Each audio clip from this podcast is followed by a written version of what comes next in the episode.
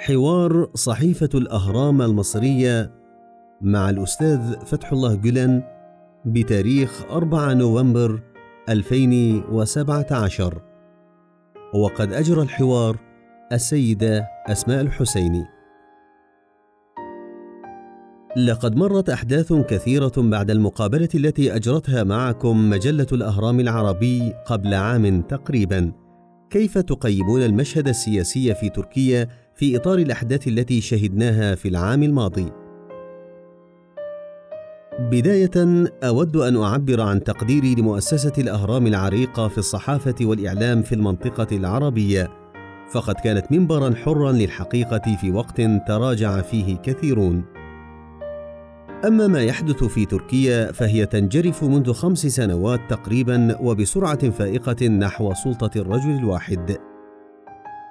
وقد ظهر ذلك واضحا في بيانات وتقارير المنظمات الحقوقية الدولية والاتحاد الأوروبي والأمم المتحدة ومنظمات حقوق الإنسان، وصارت قضايا مثل حقوق الإنسان والحريات الأساسية أمورا لا قيمة لها في تركيا.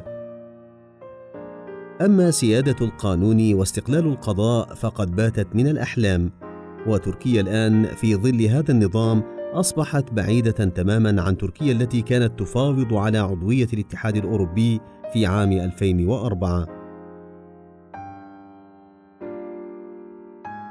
هناك تقارير متضاربة حول مشروع الخدمة فهل يمكنكم أن تقدموا لقراء الأهرام تعريفا دقيقا حول تأسيسها وأهدافها ومؤسساتها؟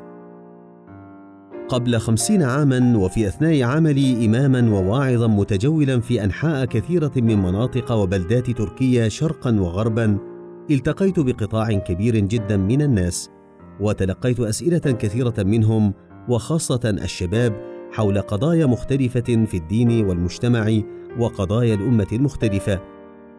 ولمست منهم رغبة في النهوض الروحي والإنساني والمجتمعي والقيمي. فجرى بيني وبين مجموعة من الأصدقاء تشاور ومناقشة حول إمكانيات مد يد العون للشباب لحمايتهم من الانحراف الأخلاقي والحفاظ على هويتهم الذاتية والثقافية وعدم سقوطهم في الإلحاد الذي كان منتشرا حينها. ولم يخطر في عقولنا في ذلك الوقت إنشاء أي كيان أو حركة أو جماعة أو ما شابه ذلك. كل الأمر كان تجميع الجهود وعدم تشتيتها لإنقاذ شباب الأمة من الأخطار الثلاثة الفقر والجهل والصراع. ولقد نتج عن هذه المشاورات أن التعليم والتربية الصالحة التي تنطلق من ثوابتنا الإيمانية وهويتنا المجتمعية هي السبيل الأمثل للقضاء على هذه الآفات. وانطلاقا من هذا بدأت الجهود تتركز على الإصلاح من خلال التربية والتعليم وإبعاد الشباب عن تبديد طاقاتهم في الأمور السياسية التي لا تجدي. وبسبب معقولية هذه الأفكار وعموم نفعها للناس جميعا بلا أي تمييز لاقت صدى واسعا في المجتمع التركي وتزايد عدد المؤمنين بهذه الأفكار وأقبلوا على العمل الطوعي في مشاريعها حتى وصلوا إلى الملايين. وصارت المؤسسات التربوية التي تعمل وفق هذا المنهج ماركة مسجلة في التربية والتعليم وحازت على إعجاب كثير ممن زاروها من مختلف بلاد العالم. فانطلق الإخوة بترحيب كبير من شعوب ومسؤولين في مناطق كثيرة من مختلف بلاد العالم وأسسوا مدارس وجامعات ومؤسسات تربوية فيها. وكان المحفز لنا للانطلاق والتوسع في هذه المشاريع هو ابتغاء مرضاة الله عز وجل وهو هدفنا الأسمى باعتبارنا مؤمنين وباعتبارنا مواطنين. كان هدفنا هو الإسهام في إنشاء مناخ يعمه السلام والتعايش بين أبناء الوطن كافة وأن تكون اللغة المشتركة بيننا جميعا هي لغة الحوار الإيجابي البناء وألا يكون هناك صوت للسلاح أو العنف والإرهاب وأن يحتضن الوطن جميع فئات الشعب بلا أي تمييز وأن يكون شباب الوطن مجهزين بالعلوم الحديثة إلى جانب تنشئتهم على قيم احترام الإنسان والعمل على مد يد العون للإنسانية جمعاء بحب وتضحية وتقدير.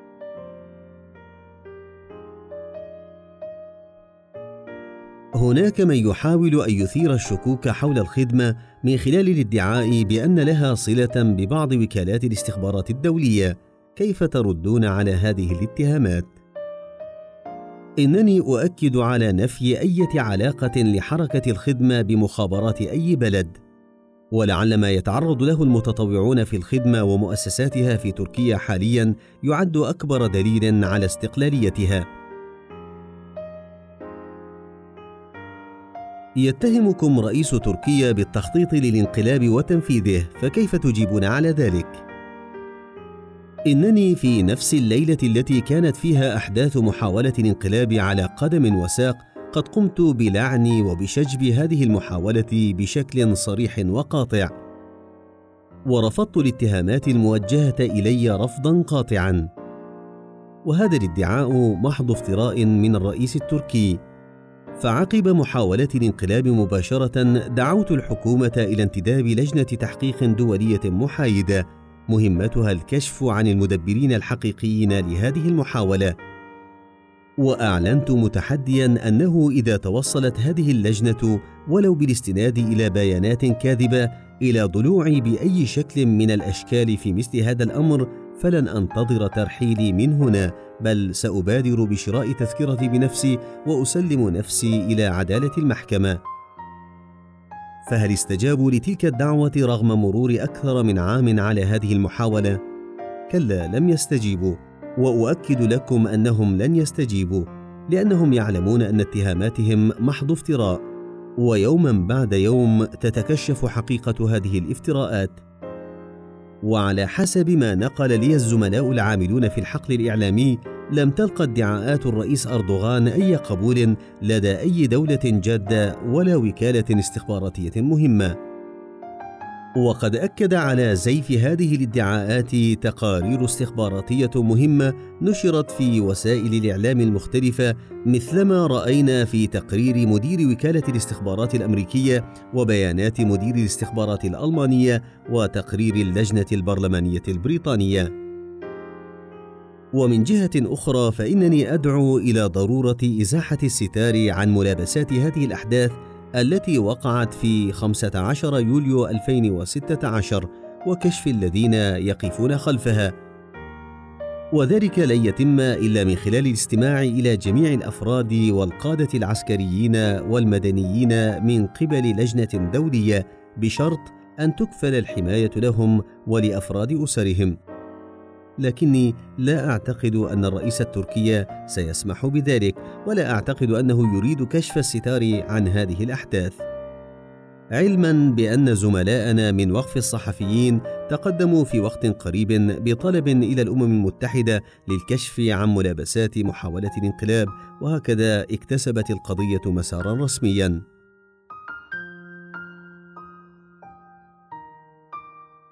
كيف تقيمون وجود الإخوان المسلمين في تركيا سواء على مستوى الأفراد أو على مستوى المؤسسات الإعلامية؟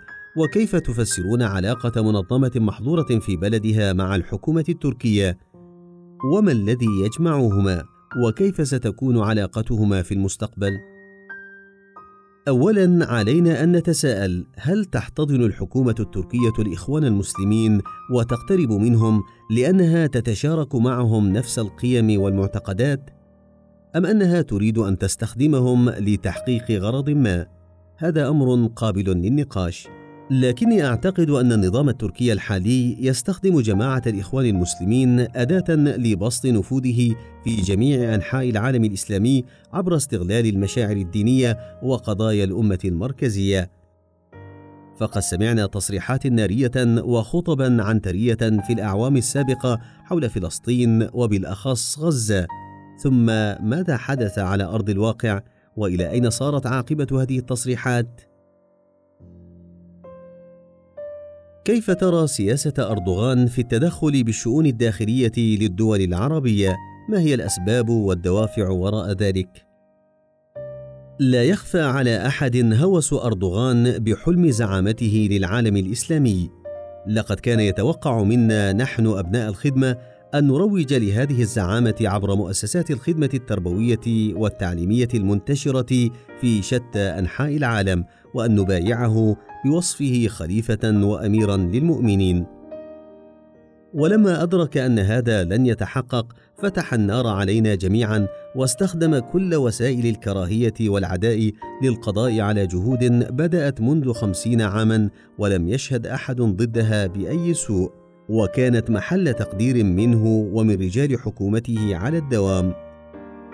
ولذلك فإن تدخله السافر في شؤون الدول الأخرى سواء المجاورة لتركيا أو غيرها بات واضحا للعيان. ولا أعتقد أن هناك دولة ترحب بمثل هذه التدخلات الخارجية. كيف تفسر موافقة الولايات المتحدة على إنشاء القاعدة العسكرية التركية في قطر التي بها أكبر قاعدة لها في آسيا؟ الولايات المتحدة تتعامل مع الدول ذات المواقع الحيوية والموارد الهامة تعاملا استراتيجيا وليس من المتاح لي أن أعرف الأسباب التي تدفع بها إلى تحديد سياساتها في هذه المجالات. هل التحالف القطري التركي تكتيكي أو استراتيجي؟ ما الذي يجمع بين الدوحة وأنقرة؟ وما الذي يمكن أن يفصلهما عن بعضهما البعض؟ أعتقد أن الأساس الذي يقوم عليه هذا التحالف هو المصالح السياسية للقادة أكثر من المنافع المتبادلة التي تعود على الشعوب. كيف يؤثر وقوف أردوغان بجانب قطر على العلاقات السعودية التركية حسب رأيكم؟ من الصعب الحديث في الفترة الأخيرة عن استقرار في العلاقات الدولية لتركيا فهي سرعان ما تبدل مواقفها مع الدول التي تبدو صديقة معها والعكس صحيح.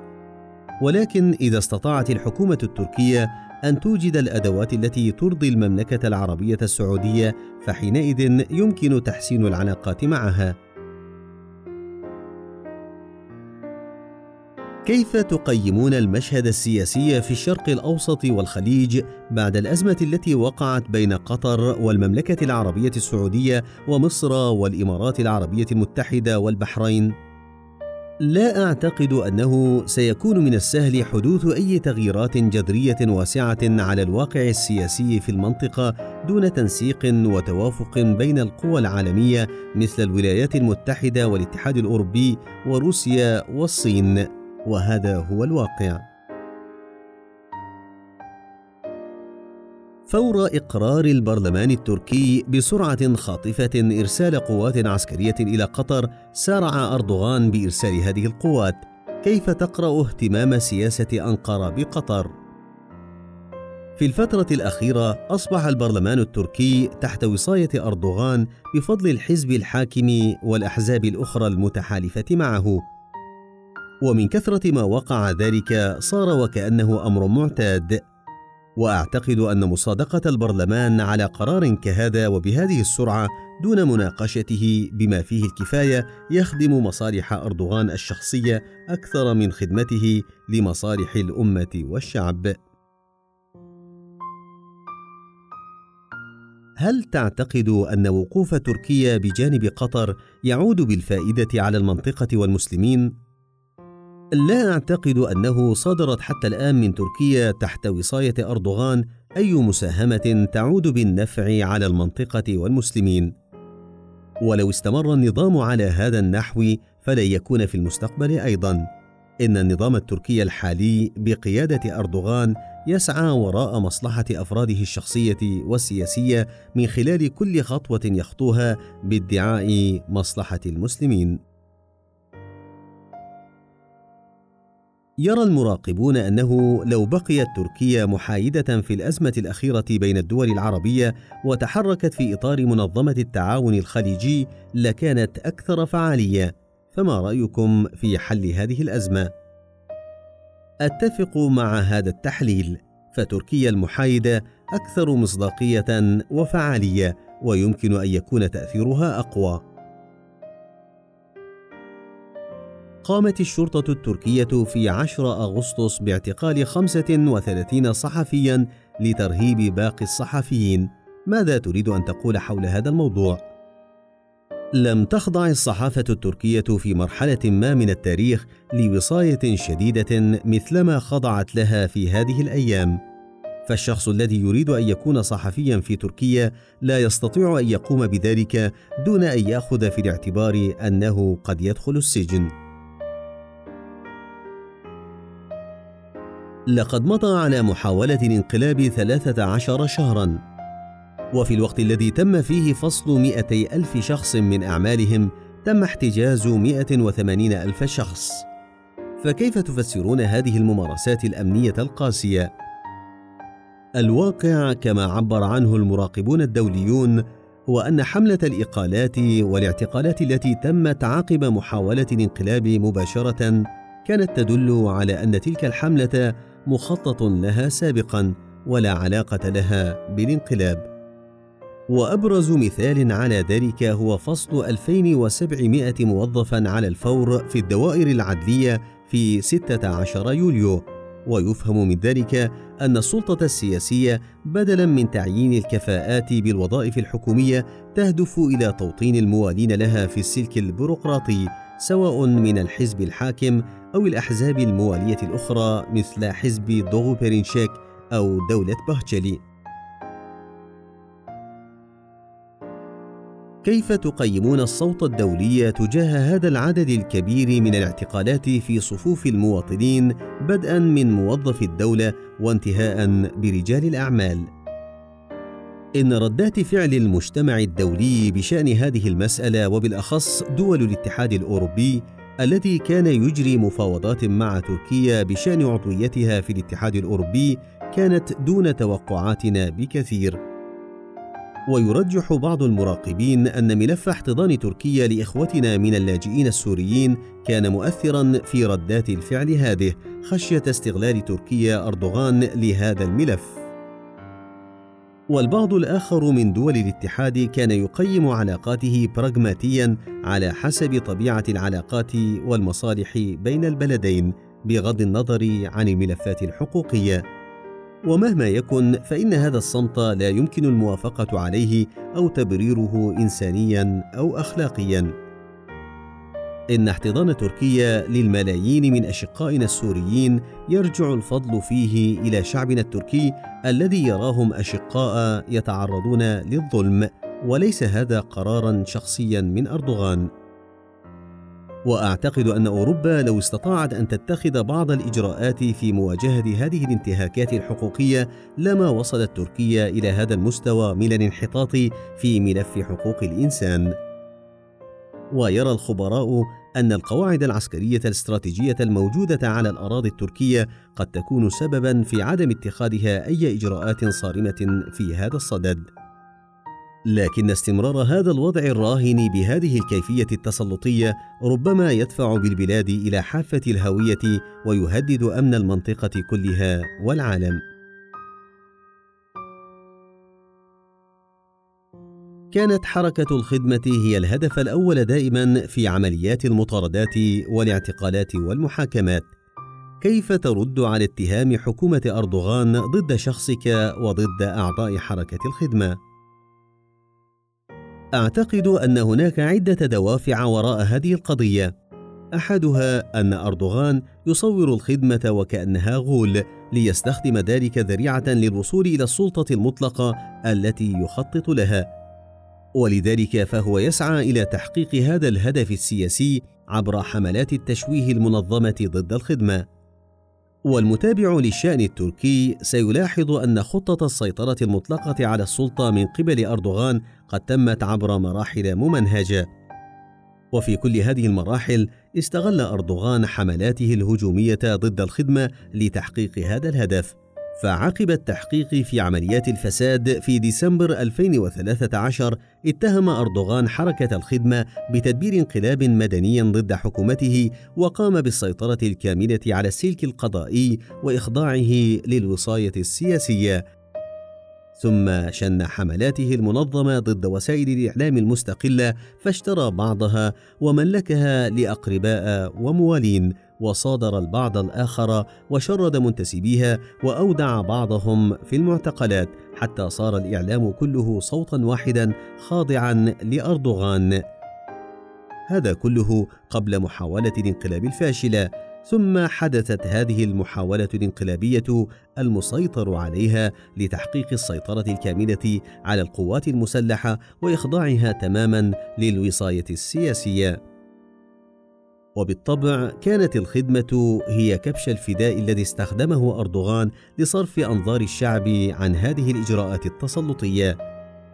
أما سبب اختيار الخدمة دون غيرها لتكون هي الضحية فلأنهم يعرفون جيدا أنهم مهما بالغوا في الاضطهاد وممارسة العنف فلن يجنح محب الخدمة إلى العنف والتخريب كما أنهم أرادوا أن يلقنوا الآخرين ممن يفكر في عدم الخضوع لهم أو مبايعتهم درسا عبر التنكير بأبناء الخدمة ومؤسساتها كيف تفسرون عدم استطاعة القوات التابعة لأردوغان القضاء عليكم رغم المطاردات والاعتقالات التي استمرت أكثر من عام؟ ينبغي أن نتساءل أولاً هل كل المعتقلين الآن في سجون النظام في تركيا من مؤيدي الخدمة؟ لا يمكن الجزم بذلك، فالحكومة كما قلت تستخدم الخدمة ذريعة وهي باسم هذه الذريعة توسع من قاعدة اعتقالاتها العشوائية التي تطال كل من يخالفها في الرؤية أو التوجه. السياسة الآن في تركيا هي سياسة تركيع الجميع وإخضاعهم. لقد نشر في وسائل الإعلام عن عدد كبير من المعتقلين ممن لا يتعاطفون مع الخدمة أصلا بل وحتى من الذين كانوا يتخذون موقفا عدائيا ضدها.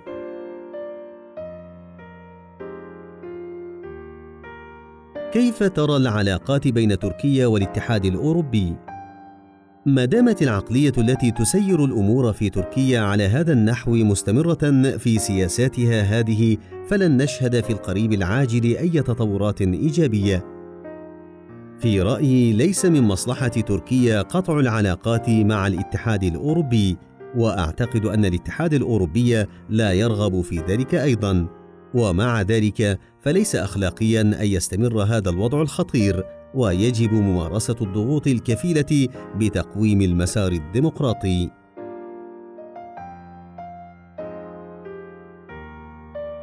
ما هي الآثار السياسية والاجتماعية لسياسات قمع أردوغان على الشعب التركي؟ إن استمرار هذا القمع يتسبب في حدوث اضطرابات في بنية المجتمع التركي التي كادت تلتئم بعد طول معاناة ونضال في سبيل هذا الالتئام. أما اليوم فسينشأ جيل جديد لا يأبه بحدود الحلال والحرام ولا يحترم ثوابته الدينية والاجتماعية ولا يعرف شيئا عن حرية التعبير وحرية الفكر.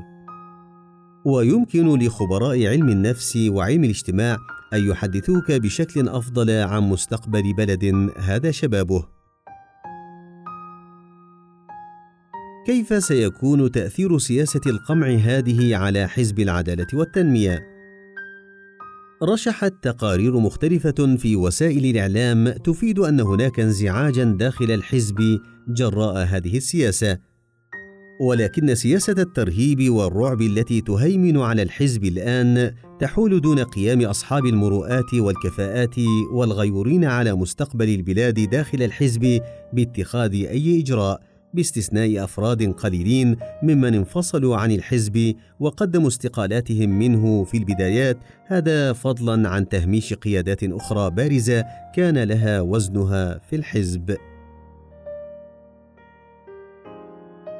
ما المدة التي يحتاجها الشعب التركي ونظامه السياسي من أجل أن يستعيد السلام الاجتماعي؟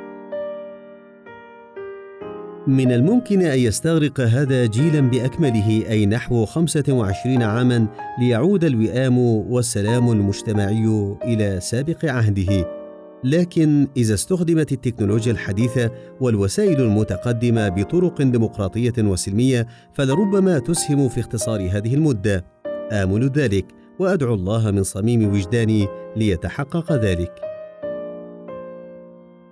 إلى ماذا توصلت أنقرة وواشنطن في قضية تسليمكم إلى تركيا؟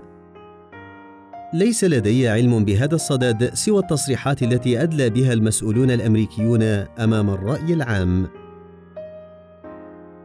هل حصلت على إقامة دائمة في الولايات المتحدة؟ نعم منذ عام 2008 ما أسباب المسيرة التي بادر بها حزب الشعب الجمهوري والمعارضون الآخرون الداعمون له والتي قاموا بها من أنقرة إلى إسطنبول لعدة أيام وهل تمخضت عن أي نتائج؟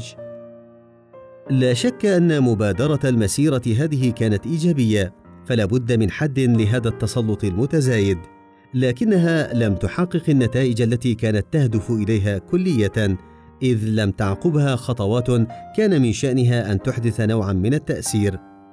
ولذلك فقدت زخمها ولم تكن هذه هي الفرصة الوحيدة التي ضاعت ولم تستغل جيدا. على كل حال كل حراك سلمي يؤدي إلى استعادة المسار الديمقراطي هو خطوة إيجابية خصوصا في ظل مناخ الخوف والرعب الذي بات يهدد الجميع ويدفعهم إلى الانزواء والتقوقع على أنفسهم. الثورات المدنية سلاح صارم ضد الإدارات التي لا تحترم حقوق شعوبها. هل تفكرون في تحريك هذا السلاح ضد الإدارة الانتقامية والوحشية في أنقرة؟ لقد قطع أبناء الخدمة على أنفسهم عهدا ألا يخرجوا عن إطار القانون والسلم المجتمعي مهما تعرضوا له من مظالم واضطهادات. ولقد أثبتوا التزامهم بهذا المبدأ وحفاظهم على هذا العهد حتى في ظل أحلك الظروف التي تعرضوا لها. وأعتقد أنهم سيظلون متمسكين بهذا المبدأ في المستقبل أيضا فلا يمكن أن يخرقوا القوانين أو يهددوا أمن وسلامة المجتمع بأي شكل كان ولا يوجهوا للظالم حتى ولو تلويحا بقبضة اليد. هل تدل إدارة أردوغان البلاد بتدابير أمنية مفرطة على أنه قوي أو ضعيف؟ وإذا كان هذا علامة على ضعفه فإلى متى يستمر في إدارة البلاد بهذه الطريقة؟ لا أعتقد أن اعتقال أو اضطهاد أي صوت معارض حتى ولو كان امرأة أو طفلا دليل على أي قوة. وأعتقد أيضا أن هذه السلطة لن تستمر في الحكم لفترة طويلة بهذه الطريقة لكن إلى أي مدى ستظل في الحكم؟ الله أعلم. ما هي القوة التي يستند إليها أردوغان عندما يحكم تركيا بهذه الطريقة؟ يستند إلى قوة التحالفات البراغماتية الميكيافيليه بالإضافة إلى سلطة الإعلام ذي الصوت الواحد. واستخدام سلطة الدولة في قمع وكبت المعارضين. كيف تصنفون طريقة الإدارة في تركيا في الوضع الحالي؟ هل هناك حكومة ديمقراطية مثل ما يصفها أردوغان أو إدارة ديكتاتورية قمعية؟ هناك انجراف مضطرد نحو سلطة الحاكم الفرد كما أوضحت في البداية. وأصيبت جراءها جميع مؤسسات الدولة بالشلل. وغاب تماما مبدأ فصل السلطات عن بعضها وصارت في قبضة فرد واحد فقط. هل يمكن أن تتحدثوا قليلا عن علاقتكم مع الإدارة الجديدة للولايات المتحدة والتيارات المختلفة الأخرى؟ الولايات المتحدة دولة ذات تقاليد حقوقية راسخة. قد تتغير بعض الأمور بتغير الحكومات لكن الاستقرار الحقوقي على الأخص أبرز ما يميز البلاد هنا. ولم يحصل إلى الآن اتصال شخصي لا مع الإدارة السابقة ولا الحالية ولكن الولايات المتحدة الأمريكية لم تزل إلى يومنا هذا بوابة أمل للذين يبحثون عن الديمقراطية والحرية والنظام الحقوقي. وآمل أن هذا الوضع سيستمر في المستقبل أيضا علما بأنني لم أتلقى إلى الآن منهم إشارة سلبية حول وضعي.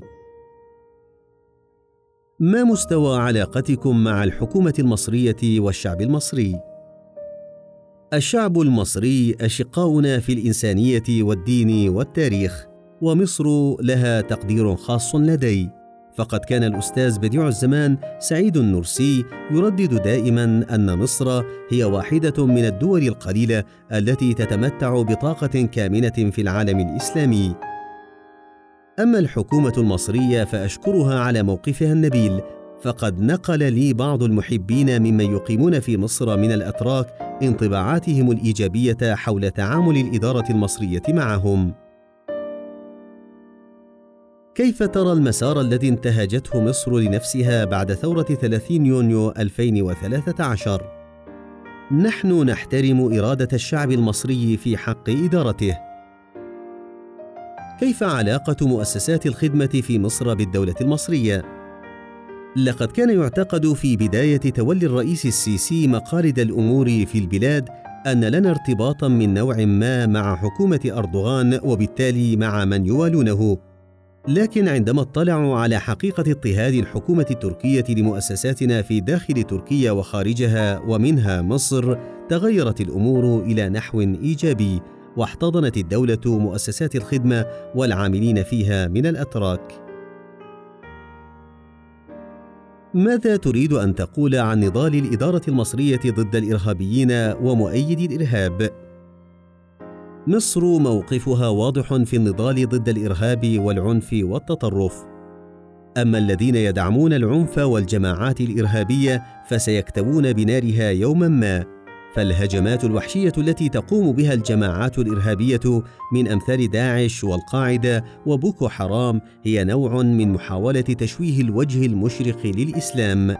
وعلينا جميعا أن نتكاتف لمواجهة هذا السلوك الهمجي الذي يسيء إلى الإسلام والمسلمين.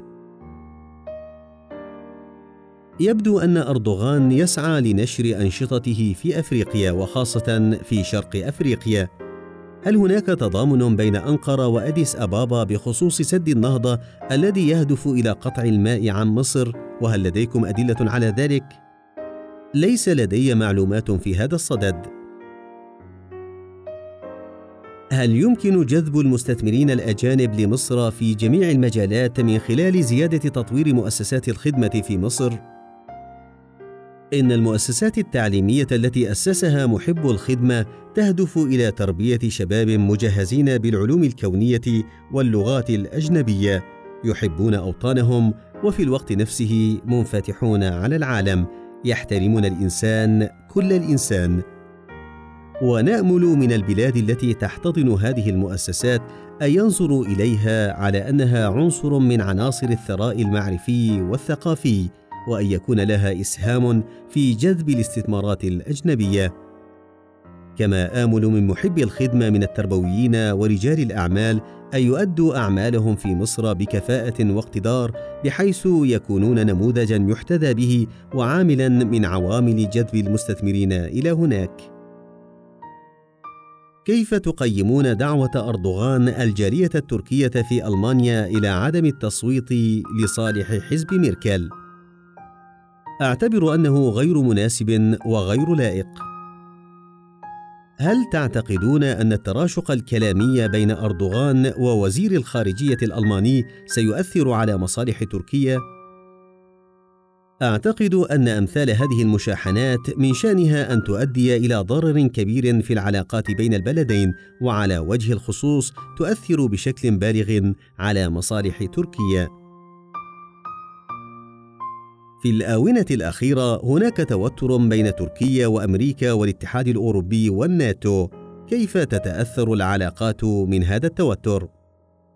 إن ردود الفعل القاسية الأخيرة التي بدأت تصدر نتيجة اندلاع الأزمات بين إدارة أردوغان وبين أوروبا والولايات المتحدة يشير إلى أن الغربيين توصلوا إلى قناعة بأن إدارة أردوغان لا يمكن الوثوق بها في شراكات استراتيجية وتتحدث بعض مراكز التفكير في الولايات المتحدة عن فكرة إزالة تركيا من حلف الناتو.